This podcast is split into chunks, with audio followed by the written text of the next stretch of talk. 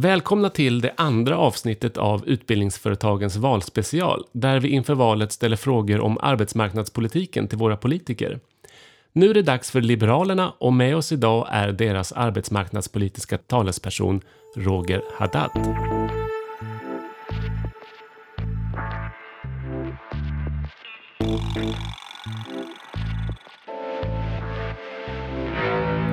Varmt välkommen Roger! Stort tack! Tack så mycket! Hur ser valrörelsen ut för dig? Är det hektiskt? Ja, absolut. Det är jättekul att eh, vi ser i opinionsmätningarna att eh, det går eh, bättre för Liberalerna och att eh, vi har ju lagt flera förslag på skolområdet inte minst, men vi har ju också varit aktiva i energidebatten. Men det är dels att följa debatten men också vara mycket i valstugan och inte minst dela ut valmaterial mm. ute i stadsdelarna för ja. min del. Ja, jag förstår det. Du, Roger, våra medlemsföretag inom Almega Utbildningsföretagen, vi utbildar ju och matchar vuxna individer mot arbetsmarknaden inom många olika typer av tjänster. Personalutbildning, komvux, arbetsmarknadsutbildningar, matchningstjänster, yrkeshögskola med mera för att på olika sätt då bidra till kompetensförsörjningen av Sverige. Och nu är ju våra medlemmar jättenyfikna. Vilka är Liberalernas vallöften när det gäller just arbetsmarknadspolitik? Ja, det är en oerhört bred fråga. Självklart så har vi lagt förslag på det ekonomiska området, inte minst. Ett nytt jobbskatteavdrag vill vi se. Vi vill ändra det som vi kallar för växa-stöd så att det omfattar tio anställda för att underlätta för småföretag att anställa genom sänkta arbetsgivaravgifter. Men sen när det gäller den traditionella arbetsmarknadspolitiken så ser vi hur nuvarande regeringens politik har misslyckats med rekordhög långtidsarbetslöshet, en arbetsförmedling som levererar stora överskott samtidigt som vi har hundratusentals människor, inte minst utrikesfödda, som inte kommer in på en riktig yrkesutbildning eller en mm. anpassad kortare utbildning för att snabbare komma ut i arbete. Så vi vill ju gärna se mer av utbildning i olika typer av arbetsmarknadsåtgärder oavsett om det är inom Arbetsförmedlingen eller genom kommunernas eh, arbetsmarknadsprogram. Mm. Om vi håller oss kvar bara en sekund vid Arbetsförmedlingen, för många av våra medlemmar arbetar ju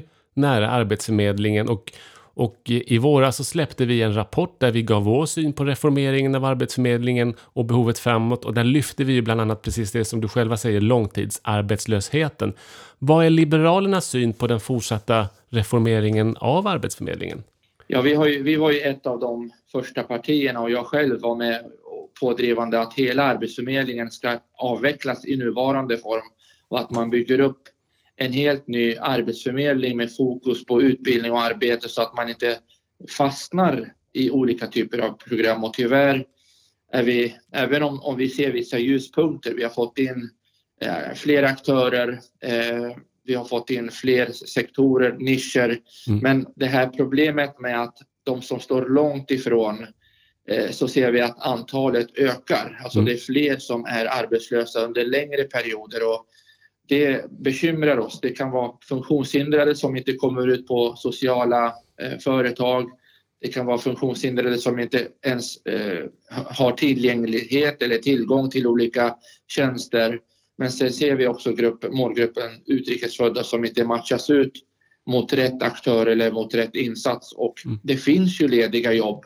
Eh, vi, har, vi har ju både personalbrist och kompetensbrist och därför är det viktigt att fortsätta fokusera på utbildning i hela, eh, inom hela det här politikområdet.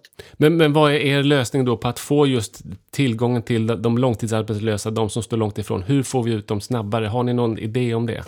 Ja, vi har ju, vi har ju gått med och sen lanserat egna typer av nystartsjobb och mm. etableringsjobb. Däremot vill vi fasa ut de här extratjänsterna som är 100 statligt subventionerade eh, anställningar där vi ser att bara 3 leder till jobb. Mm. Eh, utan då är det bättre att satsa de pengarna på effektiva arbetsmarknadsprogram, arbetsmarknadsutbildningar.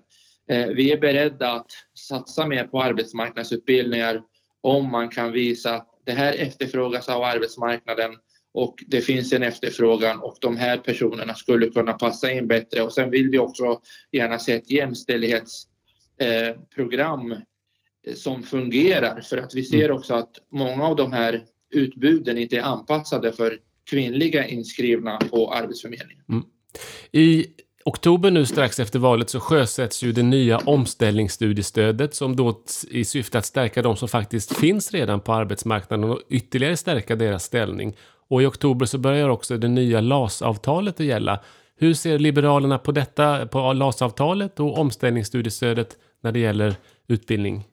Ja, generellt när det gäller arbetsrätten så har vi värnat eh, att parterna ska kunna komma överens, eh, helst utan att politikerna ska behöva tvinga fram en, en lagstiftning. Och vi, vi är tillfreds med den överenskommelse och välkomnar det här eh, överenskommelsen som parterna har slutit. Sen har vi också eh, sagt att vi gärna ser mer av flexicurity-modell när det gäller olika typer av a-kasseersättningar eller att man har en hög, eh, hög ersättning i början och trappar ner för att skapa incitament så att man kommer ut eh, från a-kassan ut på arbetsmarknaden. Mm. Omställningsstödet är oerhört viktigt.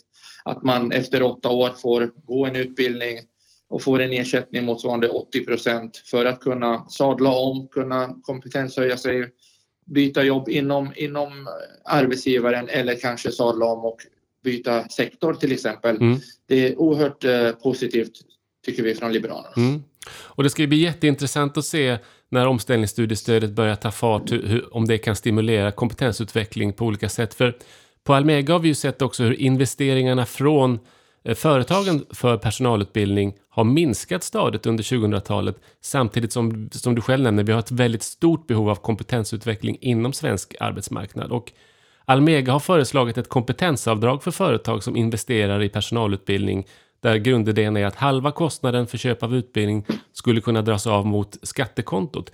Hur ser Liberalerna på den typen av kompetensavdrag för företag? Nu har vi, om man tittar lite historiskt, ända sedan 90-talet och det gör vi fortfarande i Sveriges riksdag, så har vi drivit på behovet av individuella kompetenskonton mm. för att just stimulera och underlätta eh, att man fyller på och, och så att säga fördjupar sin kompetens och breddar sin kompetens. Nu har inte vi något formellt ställningstagande i partiet kring just det du nämner kring företagen men jag är öppen och positiv mm. till den typen av förslag. Eh, jag har absolut inga problem med att titta på ett sådant förslag för att stimulera investeringar, satsningar på kompetensutveckling. Mm. Det gäller både inom privat sektor men även inom offentlig sektor där vi ser att många sjuksköterskor till exempel, mm. beroende på arbetsgivaren så eh, kan man få en betald utbildning, vidareutbildning men medan andra inte får det medan läkare eh, har helt andra förmåner när de vill eh, kompetenshöja sig. Mm. Så att all, allt, all, alla de här delarna eh, ser jag positivt på. Ja. Roger, det var mina frågor till dig om arbetsmarknadspolitik. Stort tack för att du tog dig tid att vara med. Stort tack för att jag kunde vara med. Ha det gott. Tack så mycket. Hej då.